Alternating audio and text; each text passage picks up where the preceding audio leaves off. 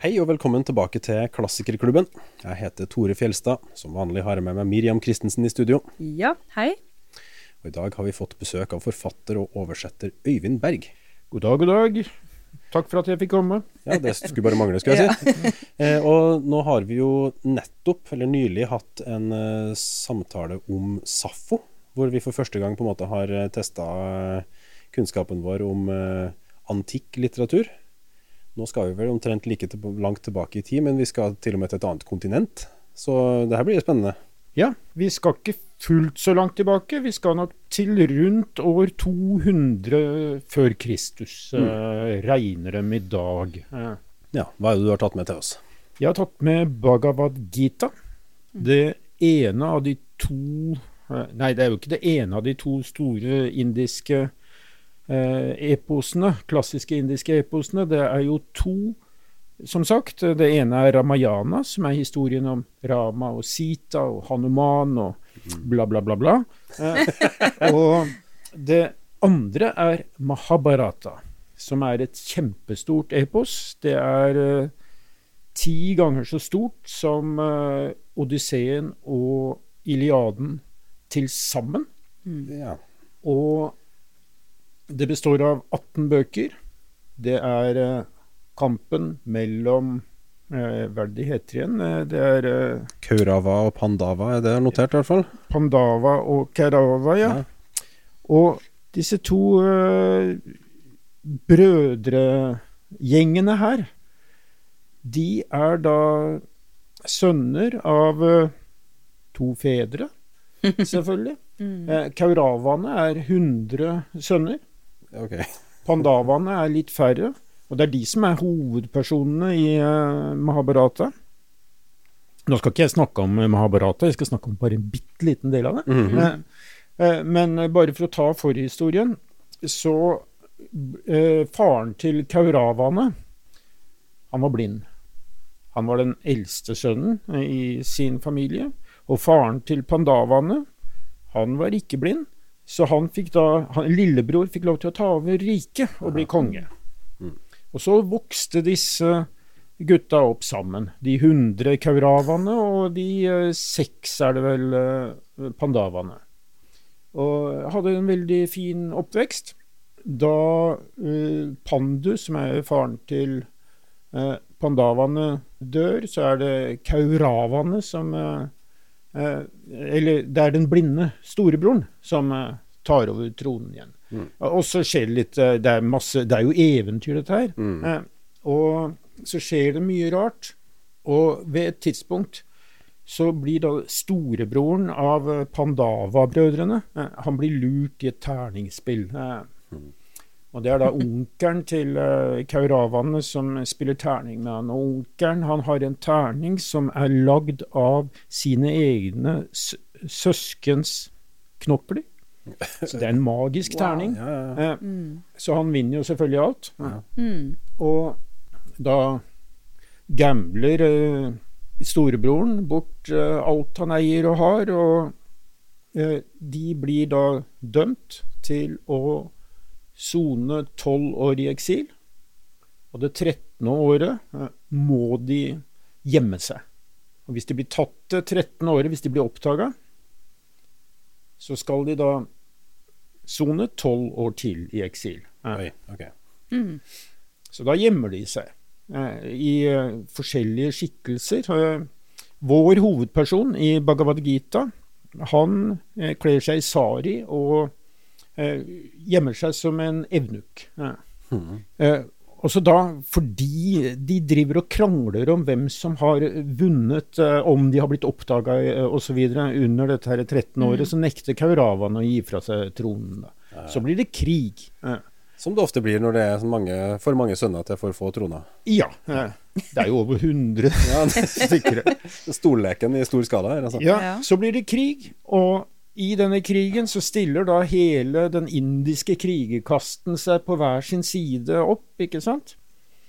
Og da har vi kommet til sjette bok i, eh, av eh, Mahabharatas 18 bøker, er det vel? Og i denne sjette boka så står de da på det som heter Kuruksetra, eller Kuruksetra, som jeg pleide, likte å kalle det før. fordi at da blir det liksom en seter for kuruker. Eh, så Det er poetens hjerne som bare går av seg sjøl. Ja, ja. Jeg, vurderte på forhånd om jeg skulle, skulle jeg kjøre en vits på det, eller bli det for uh, Ja. Men det var, godt, det var godt du sa det. Ja, ja, for det er vanskelig å ikke høre det, syns jeg. Så, så står de oppstilt der. Og Arjuna, han er da Må man ta en sidehistorie igjen, for det er mm. Mahabharata. Eh, det er jo sånn eventyr, og det er fortelling inni fortelling og sånt hele veien. ikke sant? Mm. Og det er en type eventyr hvor eh, eh, Ja, det er mange historier, da.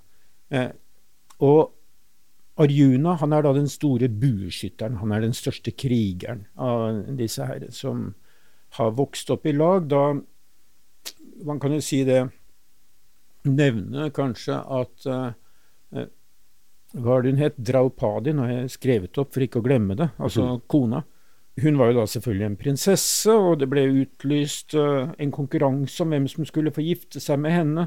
Og det var den som da, ut fra uh, et glimt i en refleksjon av vannet av en, en gullfisk, kunne klare å skyte en pil gjennom gullfiskens øye. Wow. Og det er jo ikke så lett. Nei. Det høres trøblete ut, ja. Og den som klarte det, det var selvfølgelig Arjuna. Mm. Og han har forskjellige andre tilnavn. Han er like god til å skyte med venstre og høyre osv. Han kan bare snu buen akkurat som han vil. Og når han da kommer hjem til mora si og sier det 'Se hva jeg fant', eller noe sånt, eh, og tydelig eh, har noe å by på som hun skjønner at er ganske flott, så svarer hun at hvis du har funnet noe, så må du dele det med brødrene dine. Det gjør dere alltid. Dere deler, ikke sant? Uh -huh. Og så sier han ja, men altså, jeg har jo funnet meg en kone. ja, men uh, altså, nå har hun sagt det, og regelen må følges. Mm. Så da må alle fem brødrene gifte seg med eh, han som jo er tredje midterste Eller er det seks brødre? Husker jeg ikke. Men eh, de må gifte seg med Nei, det er fem, selvfølgelig. Han er i midten. Mm. mm de må gifte seg med Draupadi, da. Som, men nå står de da på Kuruksetra. Eh, og i forkant så har hans vognfører, som da er en inkarnasjon eh, Han er ikke bare en vognfører, han er en inkarnasjon av guden Krishna Eller han kaller seg Krishna, men han er en inkarnasjon av guden Vishnu. Mm. En inkarnasjon betyr jo kjøttpåtakelse, ikke sant. Mm. Altså det ligger ofte mye Karne er jo latin mm. kjøtt. Mm. Det ligger mye sånn konkret kroppslig i de gamle begrepene. Mm. Altså sarkofag betyr jo eh, Sark er jo kjøtt på eh, gresk, og fag er jo fagos eh, eter, ikke sant? Kjøtteter. Mm. Så wow. man eh, overnatter etter døden inne i kjøtteteren. Mm. Og inkarnasjonen er jo da kjøttpåtakelsen som en gud har foretatt seg. Ja. Så mm. det er jo ganske vakkert, da. Ja. Mm. og nå står de der, eh, og Krishna har da gitt eh, For han er jo som en guddommelig herre, eh, for så vidt, så kan jo ikke han velge side i sånne menneskelige kamper. Selv om han er rett og slett inkarnert for å rette opp i verden. Så det er jo derfor Vishnu lar seg inkarnere, fordi han skal rette opp når det går gærent, når det går altfor gærent her nede. ikke sant? Det høres ut som det er i ferd med å gå ganske gærent med den store slektsfeiden. Det gjør jo det. Mm. Uh, og han gir da, siden han skal være nøytral, så gir han da de to uh, sidene et valg. de kan velge én million av hans egne soldater som er veltrente tropper. Eller de kan velge å ha ham som vognfører og rådgiver under slaget. Okay. Og motstanderen velger da en million soldater. Kjekt Så, å ha. ja, kjekt å ha når de skal i kamp. Og Arjuna velger eh, rådgiveren. Mm. mm. Det er jo også kjekt å ha. Ja. Men da han står der framfor disse som han har vokst opp sammen med. ikke sant? Det er 100 brødre, så å mm. si. Altså, selv om de er fettere, da. Eh, men uh, han er jo veldig glad i uh, disse gutta.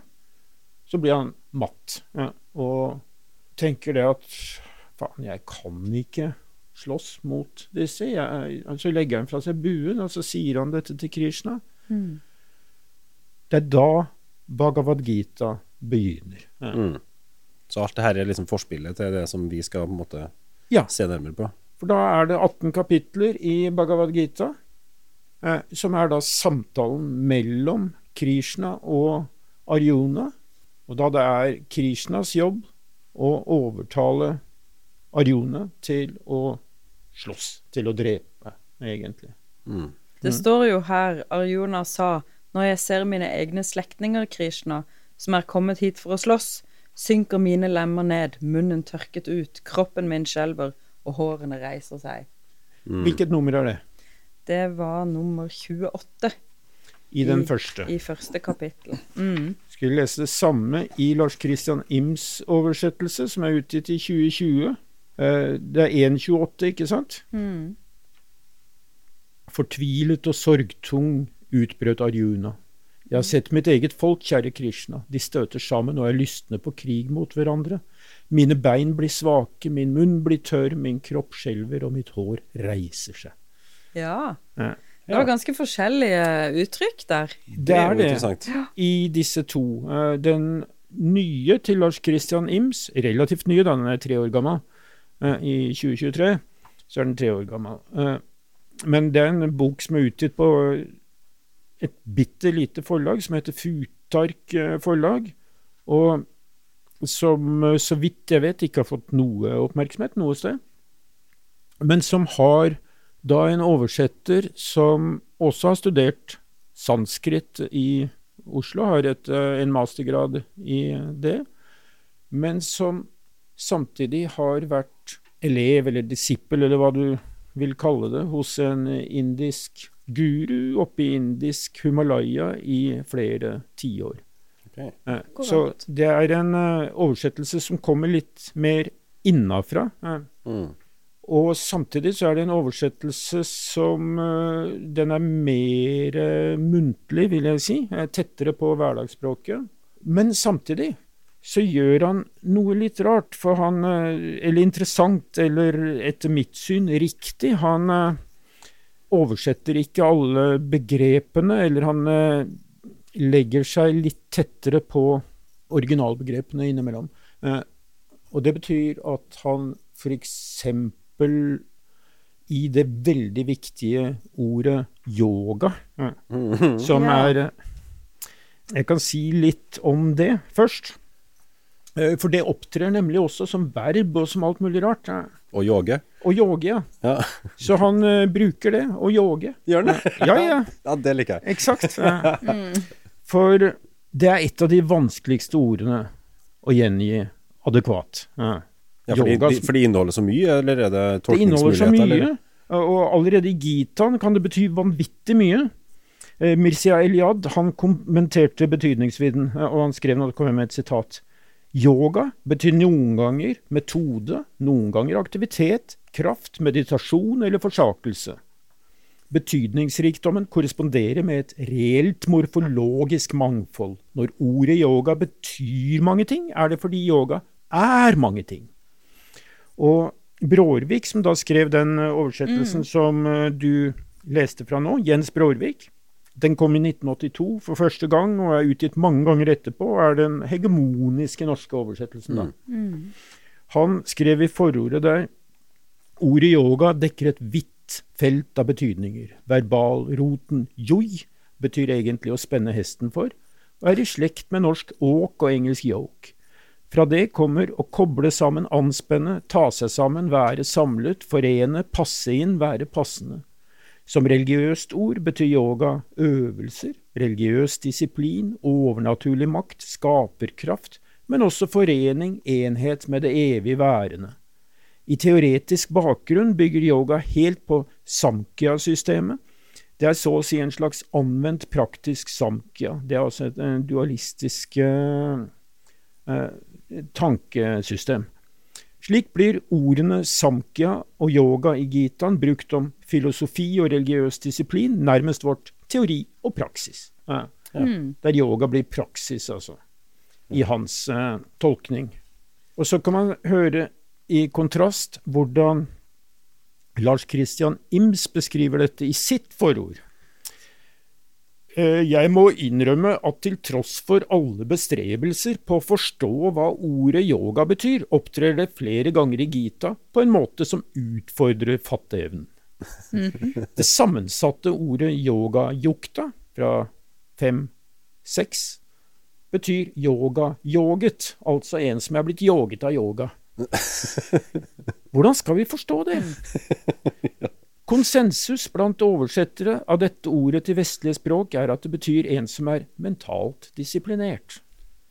Dette høres for så vidt greit ut, men stemmer det? Hva betyr det å disiplinere sinnet? Jeg vil heller utfordre leseren til selv å prøve å forstå hva yoga egentlig betyr, enn å tilby leseren konvensjonelle fortolkninger som er minste motstands vei.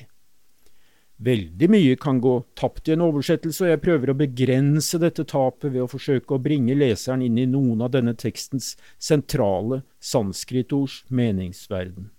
Et annet eksempel er 250, hvor Arjuna oppfordres slik Yog for yoga, yogaya yasva. Slike setninger er vanskelig å oversette og åpner for mange ulike tolkninger. Av slike utfordringer har jeg alltid ønsket å bringe leseren mest mulig inn i forståelsesprosessen, på bekostning av å velge en oversettelse som høres tilforlatelig ut. Ja. Og Det er da hva jeg vil kalle en høldelinsk oversettelsespraksis, etter Høldelins eh, Altså den tyske tidligromantiske, eller klassisistiske dikteren. Eh, han oversatte Sofokles eh, skuespill eh, på begynnelsen av 1800-tallet, og eh, valgte da en syntaks og ordvalg osv. som lå tettere på kildespråket, altså gresk, enn på målspråket, og det, som det som var vanlig der. Han, han mente sjøl at dette var mye mer motsetningsharmonisk, sa han. Motsetningsharmonisk. Åh, Altså, Men jeg tenker jo at uh, Bhagavad Gita, som jeg har måttet øve meg litt på å si, så vi ikke blande konsonantene her, um, det kan både leses kanskje som et, en poetisk tekst eller en filosofisk tekst, men også en religiøs tekst. Ja. Og vi vet jo at i religion så vil kanskje oversettelse ha en annen betydning for folk mm, enn i en ren sånn litterær sammenheng, da. mm. Så hvordan man oversetter, har jo kanskje noe å gjøre med hva slags innstilling man har til teksten. Er det religion, er det filosofi, er det, er det dikt, er det Ja. Det har det helt klart, men det som er litt paradoksalt når man leser disse oversettelsene mot hverandre, er nok at jeg oppfatter eh, Ims sin eh, oversettelse, altså fra en som er inne i den religiøse praksisen, som eh, med en guru osv., mm. som nå riktignok er død, men han har hatt han i flere tiår, eh, som kanskje er den mest litterære, med et par unntak. Eh, Ja. Eh, men som er den som treffer den litterære tonen best. Nå bør det også nevnes at uh, alle disse klassiske indiske verkene de er skrevet på versform. Det er en versform som heter sloka, eller sloka, uh, og som består av eh, 32 stavelsers uh, vers. Skal vi se, jeg har vel et eller annet sted her Det første verset eh, altså, Det lyder sånn cirka sånn Jeg kan ikke sanskrit, men jeg kan jo prøve. Dharmakshetre kurukshetre samaveta yuyutsavab mamaka pandavas chaiva kim akurvata sanjaya. Det, no, sånn Ja. cirka sånn. Uh, det er altså faste 32 stavelser. Eh, Dette stilles da opp på fire eh, linjer. Eh, og det er jo ingen oversettere til noe språk som eh, oversetter dette som vers lenger. Alle Nei. bruker prosa. Mm. Så eh, det er nok utfordringer på innholdsnivå Ja. til at man kan Men det du sier om at den nye oversettelsen til Ims eh, er mer litterær, og, eller at, at den treffer bedre på det, er det kan det ha å gjøre med at siden oversetteren har så god kontroll da, til, vil en tro, på det religiøse og på de der kulturelle og de, alle de tingene som en mindre dreven oversetter kanskje ville hengt seg litt mer opp i. At man kan på en måte frigjøre seg fra det, for at det, det her har vi jo kontroll på. Så man Ja, kan konsentrere seg mer om, om det Jeg, litterære. jeg vil tro det, eh, at du har rett i det. eh, Og det er jo fint at du bruker ordet frigjøre. eh, For Ja. eh, eh, Bhagavad Gita er jo som religiøst verk eh, et, en frigjøringsteologi. eh. Og det er jo en av grunnene til at denne boka er liksom grunnboka i det som vi kaller hinduisme nå, da. eh. Mm. Eh, Dette er jo grunnboka til eh, en milliard menneskers eh, Eller, ja, jeg har ikke tall på det, eh, men for alle Det er jo Hvor mange er det i India nå? Eh, 1,4-1,3 eller noe sånt. Ja, da er det nok en milliard mennesker som eh, sogner til dette her, for det er jo Ja. eh, Mm. en tredjedel muslimer eller noe sånt. Og, Ja.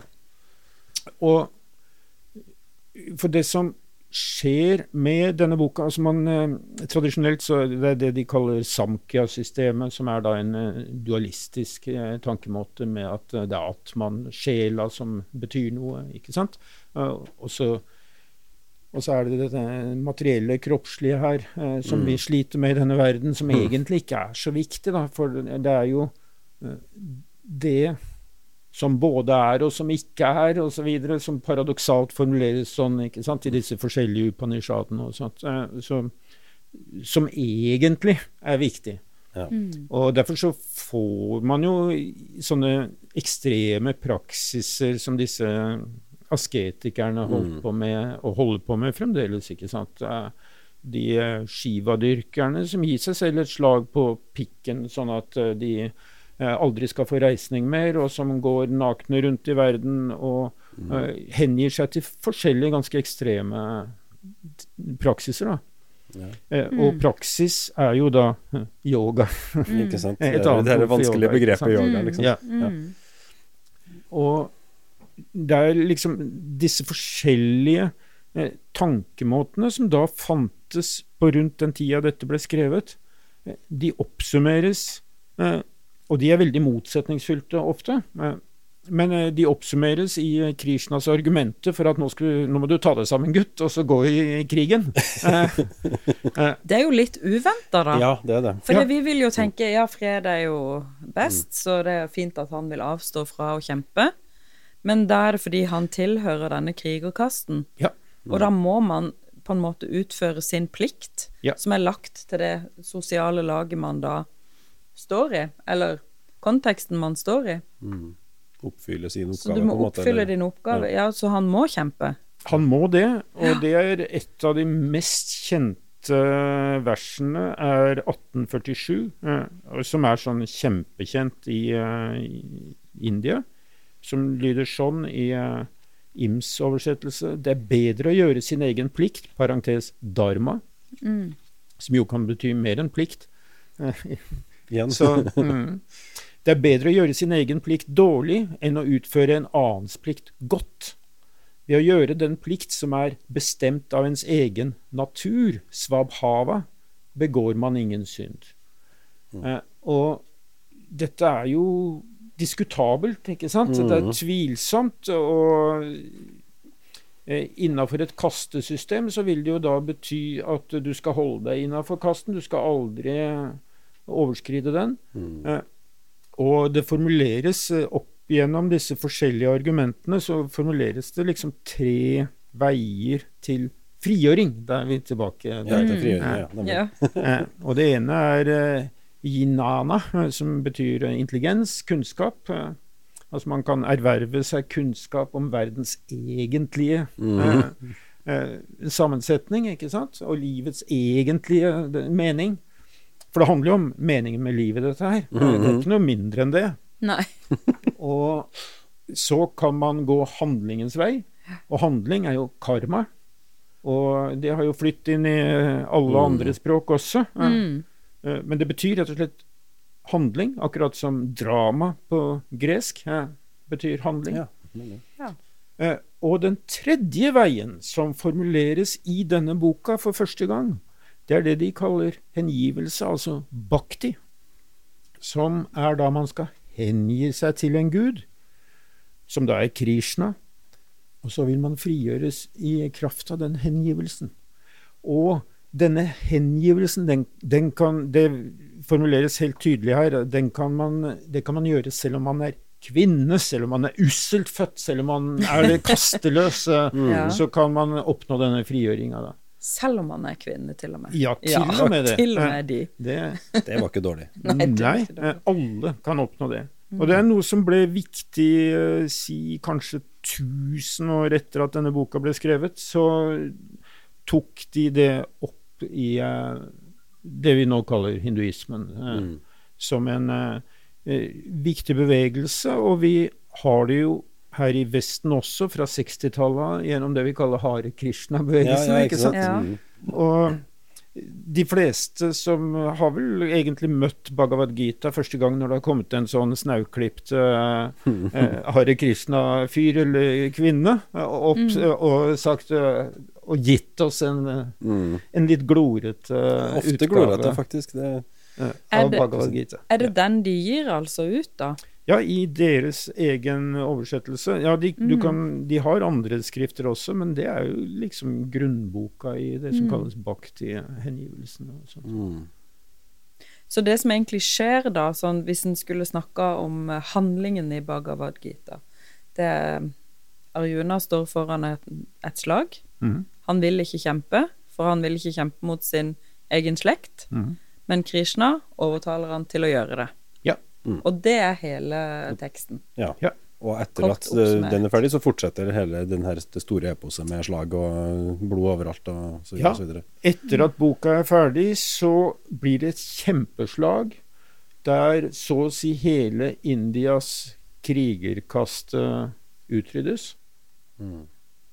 På den annen side, det er jo ikke første gang, for eh, Vishnu har latt seg eh, eh, gjenføde før. Han bl.a. i en inkarnasjon som har utkast, uh, utsletta eh, 21 generasjoner av eh, krigerkasten. Et annet paradoks er jo at Bhagavad Gita er jo da den viktigste boka for eh, Mahatma Gandhi, f.eks. Mm. Ikke-voldsfilosofien. Ja. Og hvordan kan man så utlede en ikke-voldsfilosofi av, en så- av ei bok som eh, forteller krigerne at du skal drepe hvem faen du vil? Du skal slåss. Ja. Og som rådgiver under slaget så forteller han også til Arjuna at gi faen i krigens regler, altså drep så mange du kan. Eh, Ikke? Sånn, eh, du kan eh, Det er liksom ikke å følge dharma lenger. Så det er noen paradokser her. Og Gandhis morder, han eh, fulgte jo da den bokstavelige tolkningen av eh, denne boka. Han hadde også Bhagavad Mm. Gita som sin eh, bok, og følte sin Ja, ikke sin bibel, da, for det blir for feil å Jo, si, jo, men- men eh, men det var med Bhagavad Gita. Han gikk til sin egen henrettelse. Ja. Ja. Eh, noen måneder etterpå. Mm. Eller jeg husker ikke hvor lenge etterpå, men Så det kan komme så forskjellige utkommer da, av Jeg sy- å lese denne teksten. Ja. Jeg snakka en gang med en eh, ja, religionsviter da, som eh, sa at uh, hele konflikten mellom liksom, kristne og muslimer og jøder altså det, det er jo egentlig bare tull. Altså det, er jo, det er jo mye større forskjell på de religiøse retningene innenfor hinduismen. Og det kan jo på en måte Det illustreres jo litt med det her, da, at det er så mange forskjellige retninger. altså Det er den totale pasifistveien og det alle de, de forskjellige andre avskygningene. Alle sammen henter inspirasjonen sin fra den samme, Ja. det samme kildeverket. da Det er jo Mm. egentlig litt oppsiktsvekkende. Ja, men det skyldes jo også at dette her er jo et verk som eh, Selv om det er et kort verk, eh, så er det konsist, og det oppsummerer veldig mye av eh, tenkninga til eh, da rundt 200 før Kristus. eh. Eh, Så det er motsetningsfullt, eh, rett og slett. Altså, det er ikke et verk som sier én ting, basta. Og sånn er det jo med Bibelen også, Mm. ikke sant? Det, den kan tolkes på eh, som fanden gjør det, og som eh, Ja, visse kan, andre gjør det. du kan lage religiøs krig, eller du kan si total pasifisme, eller du kan si ja, Ja. nemlig. Men når du først nevner Bibelen, da, så kan, jeg tenker liksom på hvordan er det å lese denne teksten, fordi eh, det er jo ikke som å lese en eh, Selv om det er et grunnris av en fortelling i bunn, Mm. så er det ikke en fortelling i teksten. teksten består av korte eh, vers, da, som du var inne på, oppbygninga av, Mm. som, Ja. som utsier litt sånn filosofiske sannheter på en eller annen måte, eller religiøse sannheter. Så hvordan kan man, hvordan kan man lese Bhagavad Gita? Eh, ja, den bør nok leses eh, litt i uh, fred og ro, og Ja. eh, uten Ja, i hvert fall uten hast. Det er jo mye sånne visdomsord, ikke sant. Vær den samme i glede og smerte og vinning og tap osv. Altså sånne relativt stoiske Mm. eh, utsagn som eh, egentlig bare går på hold deg til den du er, eh, pust riktig. Sånne ting. ja. Ja, altså for uh, Det sies jo et eller annet sted her at uh, det, er noe, det er så vanskelig å styre sinnet. Det er jo verre enn å prøve å uh, om, rette om på vinden, ikke sant? Ja. Ja. Mm. Så det er jo sånne små, pussige visdomsord og eh, evige sannheter omtrent. eh, Mm. som, eh, og det handler jo også mye om eh, som jeg sier, Dette med bhakti kommer seint i boka. Det kommer etter, en, etter at Vishnu har åpenbart seg for Arjuna.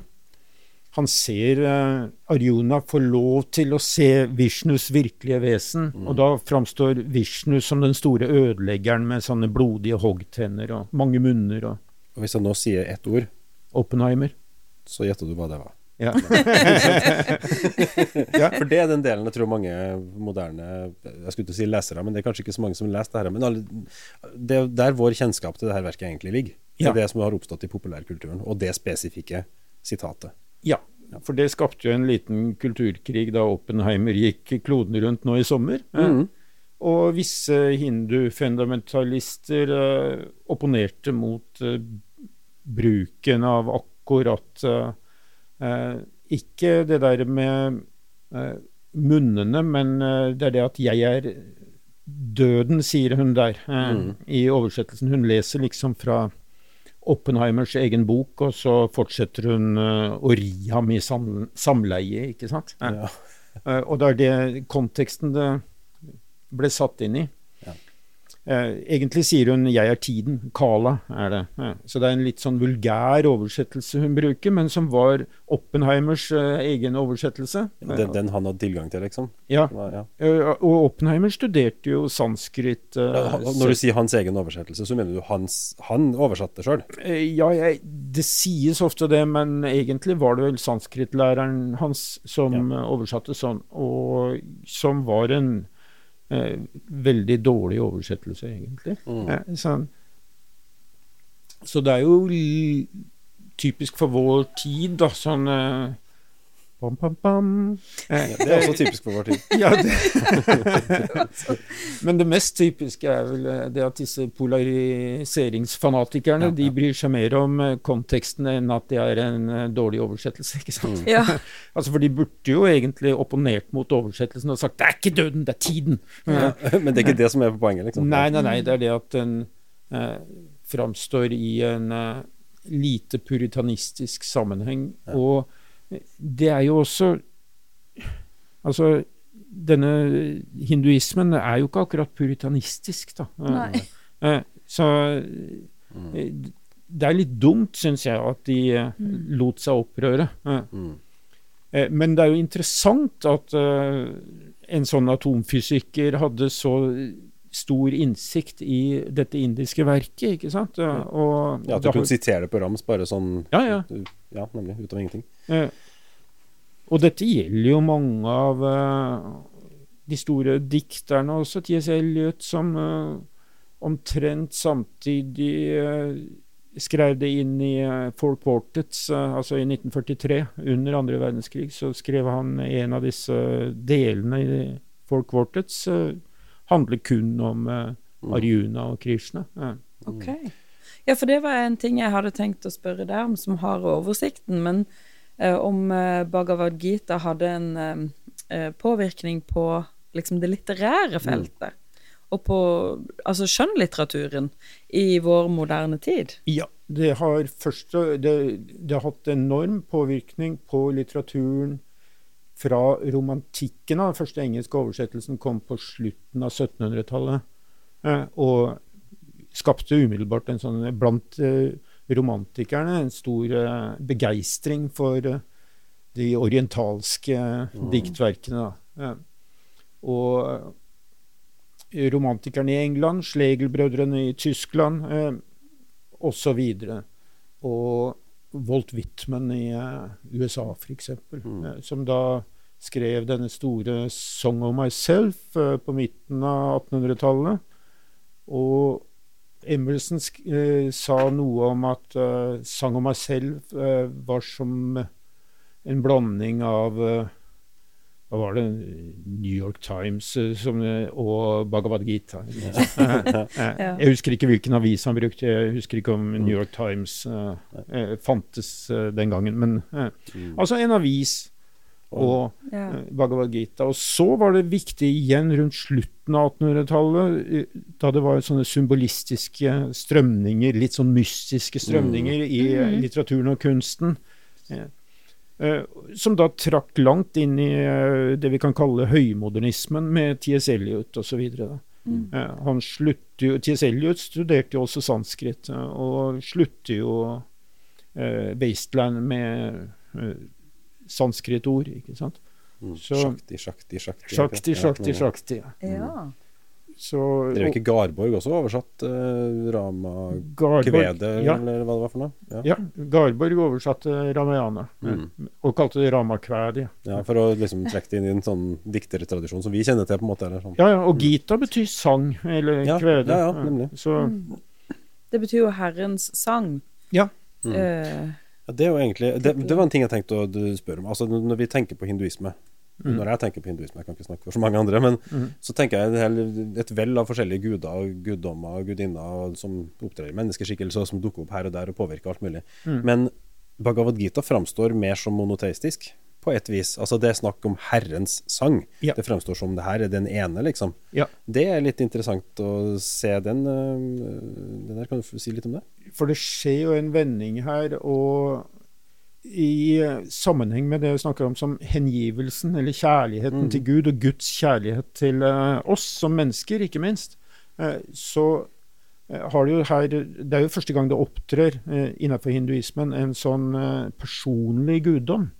Mm. Som virkelig bryr seg om menneskene. Eh, Ellers så er de jo relativt uh, uinteressert. ikke sant? Mm. Altså, Ja ja, det er en ny verden som har gått under, og så tar det så og så mange hundre tusen år før en uh, annen verden går under. Det spiller jo ingen rolle for gudene, ikke sant? Mm. Uh, men her har du jo en kjærlig gud, og en hengiven gud, plutselig.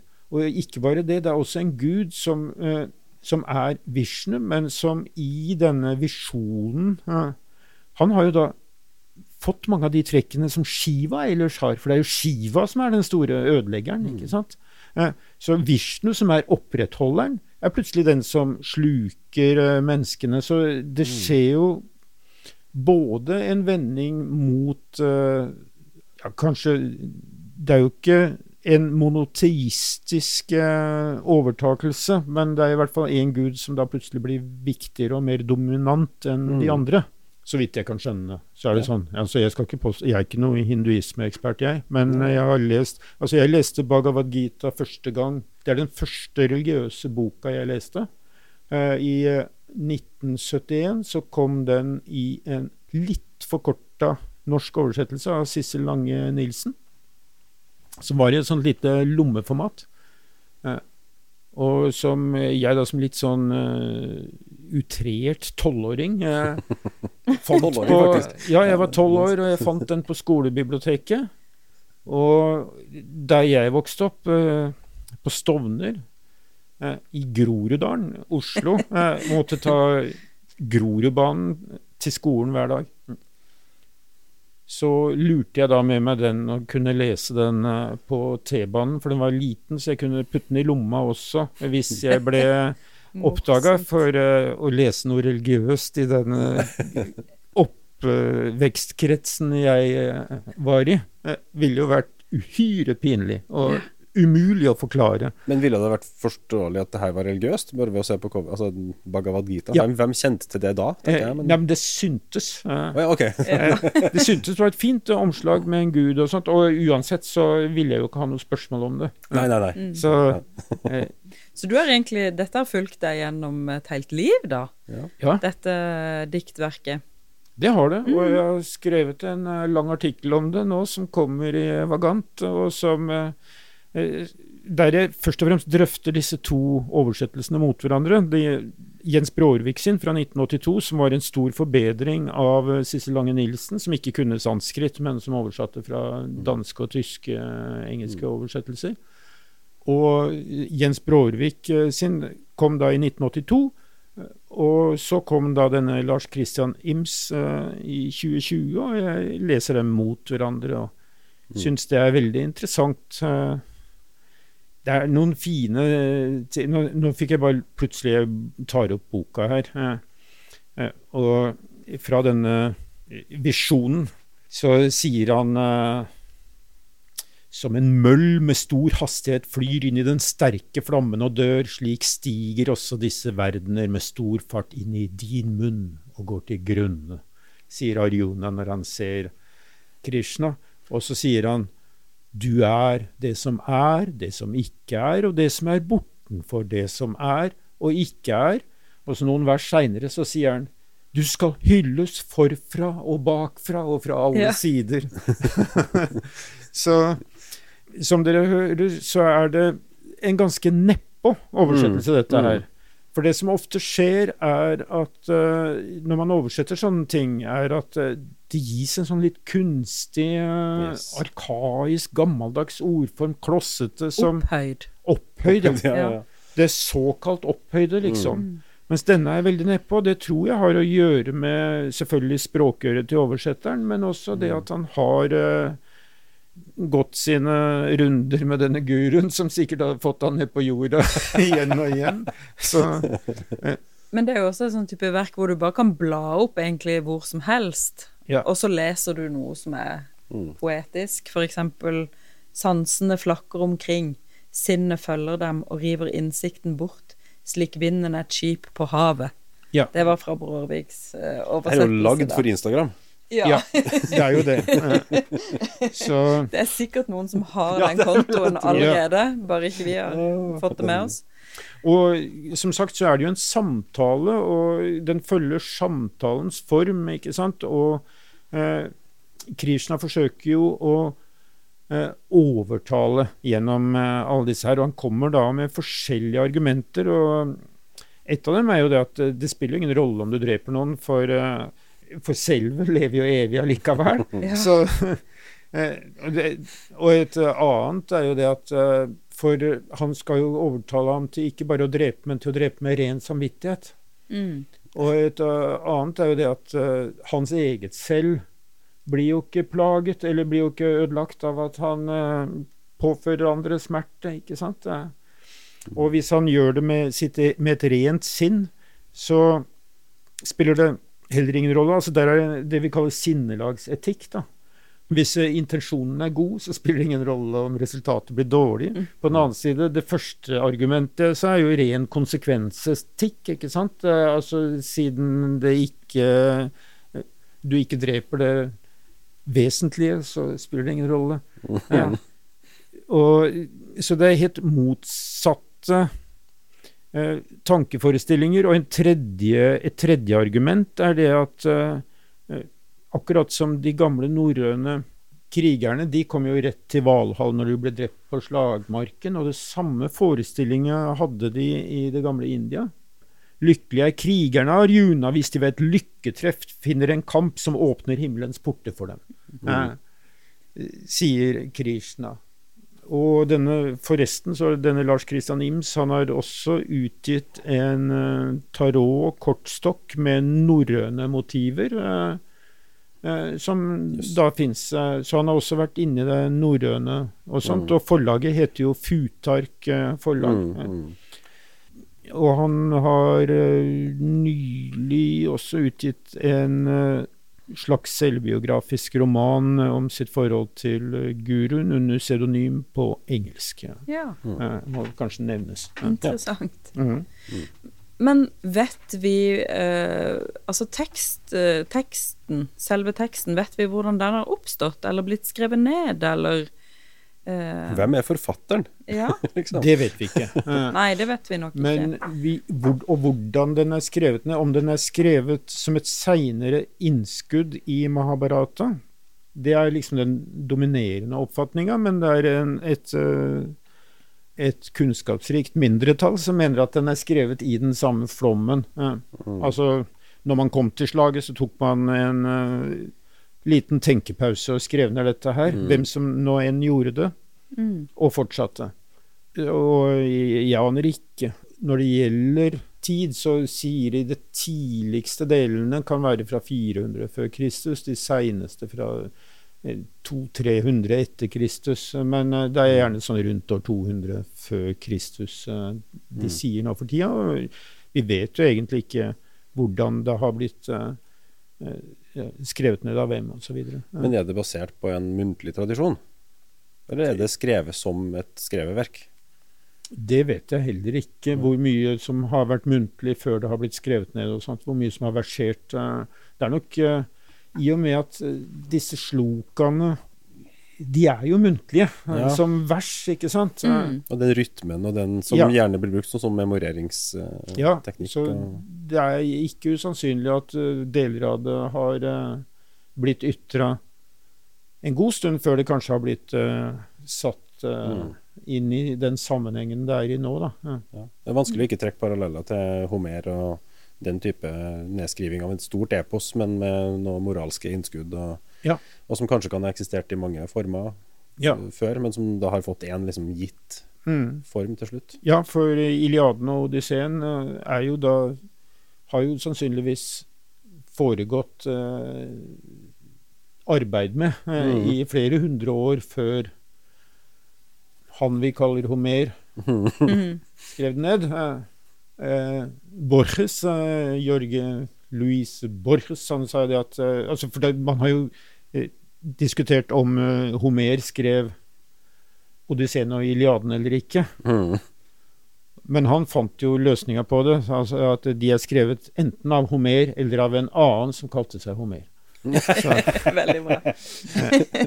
og det er vel omtrent så mye vi kan si Ja. om dette her Ja. også, ikke sant? Eh, Altså, de sier vel i tradisjonen at det er skrevet ned av Vyasa, men det er bare tull. Så eh, altså, det er jo flere ting som eh, kommer som litt seinere tilskudd også. Mm. Men uh, hvis vi skulle anbefale noen å lese Bhagavad Gita i dag, hvorfor, hvorfor anbefaler vi å lese det? Fordi det er eh, gode eh, livsråd eh, her, og fordi det er eh, Altså, det er mange av dem. eh, Og et av hovedbudskapene her som jeg heller ikke har fått uh, snakka om Det er mange budskap her, da, men et av hovedbudskapene er det at som angår mer det vi kaller karma, som er handling. At man skal handle uten å bry seg om resultatene av han, sine egne handlinger. Mm. Mm. vitsen ligger i å gjøre det, ikke i det som kommer etter. Du skal ikke strebe, etter, strebe på jobben for uh, lønna di, ikke sant. Du skal kose deg i jobben, mm. for å si det sånn. Fordi jobben er meningsfylt i det er selv. jobben som er tingen. Mm. Og hvis du gjør det for lønna, så kan du heller si opp jobben. Og Og finn noen Se- ting som du har med glede med å jobbe med isteden. Ja. ja Eh, og som jo vil være en naturlig slutning for flere av disse følgerne av eh, i det kulturelle systemet som er det indiske, som, som ikke er akkurat retta mot den gylne middelvei, ikke sant? Mm. Eh, her, det beveger seg jo mellom ekstremer veldig ofte. Og det er jo også et uh, aspekt ved å lese denne boka, at man får innsikt i en annen kultur. Det er det man nødt til å få. Du er nødt til å sette deg inn i den uh, indiske tankegangen, som da ikke bare er den nordindiske, men det er også den sørindiske fra tamilene og sånt. Som, eh, for det var tamilene som rundt år 1000, altså det vi kaller vikingtida, tok opp eh, eh, bhakti-bevegelsen, hengivelsen, og eh, brakte den nordover i India. Eh, det er sånne ting, ikke sant. India er et stort kontinent på størrelse med Europa, eller som er som Europa. Du kjenner, det er ikke ett eh, Mm. størrelse. Og eh, alt dette bør vi jo egentlig vite mer om enn Mm. det vi gjør, da. Eh, Så tenk på at vi kaller det vi, Her er vi satt fast i vikingtida, ikke Ja. sant? Altså, og samtidig så holdt disse her på med ganske vettuge filosofiske eh, tradisjoner, store tankeretninger som hadde mange mange mennesker som brød seg om hva som, eh, og som diskuterte osv. osv. Det er en he helt kultur. Mm. Ja. Dette er jo artig. Det er jo det. Ja, absolutt. Det høres ut ut fra eh, sånn som du be, beskriver de, de forskjellige oversettelsene også, at den har ganske mye å si for en moderne leser. Ofte hvis man skal gå, gå inn i et eh, en ja, en oldtidstekst, som det her jo faktisk er, Ja. eh, så er det så mange filter du må på en måte trenge gjennom. Mm. Du må forstå kulturen. Du må forstå at det er en oversettelse som betyr at ordene betyr kanskje ikke helt det samme. Du blir fullstendig avhengig av fotnoter, ikke sant? Ja. Og plutselig så er det ikke en tekst du leser for å lese teksten, det er for å lese alle fotnotene og bare øh, Hva handler det her egentlig om? Du mister litt av synet fortellinga, da. Men det virker litt på meg som om den øh, nye oversettelsen på lik linje med Apropos Homer, så ble jo Odysseen øh, oversatt i, som sangen om Odyssevs Mm. i ren prosa i stedet for på verseform. Mm. Det er jo stor forskjell for forståelsen når man sitter og leser det som en prosatekst. Ja. Og jeg vil tro det er kanskje litt det samme som skjer hvis du leser den oversettelsen til Ims. da. Ja. At du får mer forståelse for hva det her hva, hva er det egentlig det handler om. Mm. Og jeg vil jo mene at dette Altså, det snakka jo til meg som tolvåring, da. eh, Fra Jo, et eh, relativt eh, sånn illitterært miljø. Nå var jeg selvfølgelig en, litt sånn utafor mitt eget oppvekstmiljø, men Du kan umulig ha vært en gjennomsnittlig tolvåring, Øyvind. Jeg kjenner flere tolvåringer. Jeg tror ikke det er mange som hadde plukka opp eh, Bhagavad Gita. Eller, Nei, eller sier- kanskje hadde de det? Det ikke. sier jo noe om at hvis du Altså, hvis man var litt interessert i Mm. litteratur eller lesing, eller, altså, så er det ganske kjapt å så snappe opp et par setninger fra eh, Bhagavad Gita som, som klinger liksom godt Ja. med en gang. mm. Her får du innsikt i noe som ingenting annet har fortalt deg før. Liksom, Mm. litt sånn. Og som tolvåring, eller kanskje eldre, eller tenåring, eh, sånn, så alt som er litt mystisk, er jo Mm. også veldig spennende, selvfølgelig. Ja, ja. Det er jo også interessant dette med at Arjuna vil ikke slåss, ikke sant? Han Mm. sier her på begynnelsen eh, 'Jeg vil ikke krige', og ble taus. Ja, Mm. Eh, men det skal og, du. Og dette er jo en type trassreaksjon også, Ja. som eh, ligger tettere på eh, ungdommen, da. Jeg vil ikke! Jeg vil ikke. Eh, og så er det mange artige ting som jeg syns uh, kommer fram. Han sier f.eks. et sted her at 'jeg er den hellige stavelsen'. Om, om, ikke sant? Eh, altså, det sier Vishnu. Uh, men så sier han da i neste setning 'jeg er romklangen'. Uh. Ah. det syns jeg er utrolig vakkert. Ja. Eh, og i romklang så har vi jo den eh, stavelsen, den indiske stavelsen om eh, på norsk, da. Ja, ja. Mm. Bare på norsk. eh, Så vi får liksom en sånn ekstra eh. Romklang og omklang. Ja. Mm. Så jeg vil jo mene at det er veldig mange gode grunner til å lese, og jeg syns jo at man, eh, hvis man er interessert, så bør man lese både Brårvik og Lars Christian Ims sin oversettelse. De har begge gode forord og etterord og sånt. Men jeg syns nok at Ims sin er den beste oversettelsen. Skal vi konkludere med at uh, du må lese Bhagavad Gita for å ha veldig uh, kule og innsiktsfulle sitater du kan poste på Instagram? Ja. ja, Mer av det. Mer Bhagavad Gita på Instagram. ja, ja. Ja, og så er det jo kjempespennende å lese tekster som også har hatt stor innflytelse på Mm. den moderne litteraturhistorien, Ja. vil jeg jo si. Gå tilbake til kilden og se hva det dreier seg om, liksom. Ja, for det- dette er jo en av de eh, absolutt kanoniske tekstene i verden, og det er denne de sverger eh, på i eh, indisk rett, f.eks., sånn som man sverger på Bibelen i Å, ja. vår eh, Eller man gjør jo ikke det i Norge lenger, men i USA så sverger de jo på Bibelen. mye ja. Og i uh, islamske land så sverger man på Koranen, og i India så er det Bhagavad Gita som gjelder, ikke sant? Så, Mm. så Som inneholder de grunnleggende prinsippene som du bør forholde deg til. Ja, Mm. Har du sverga på den, så ljuger du ikke, altså. Nei. Sånn eh, Du går rett i kampen. Ja. Du går rett i kampen. Da høres det ut som vi kan la det få være siste ord for denne gang. Jeg må bare si tusen takk for at du ville komme og dele her med oss, Ja, takk. Øyvind. Jo, tusen takk for at jeg fikk komme og snakke om uh, Instagita. Instagita. Det er bra. Og takk for at du hørte på.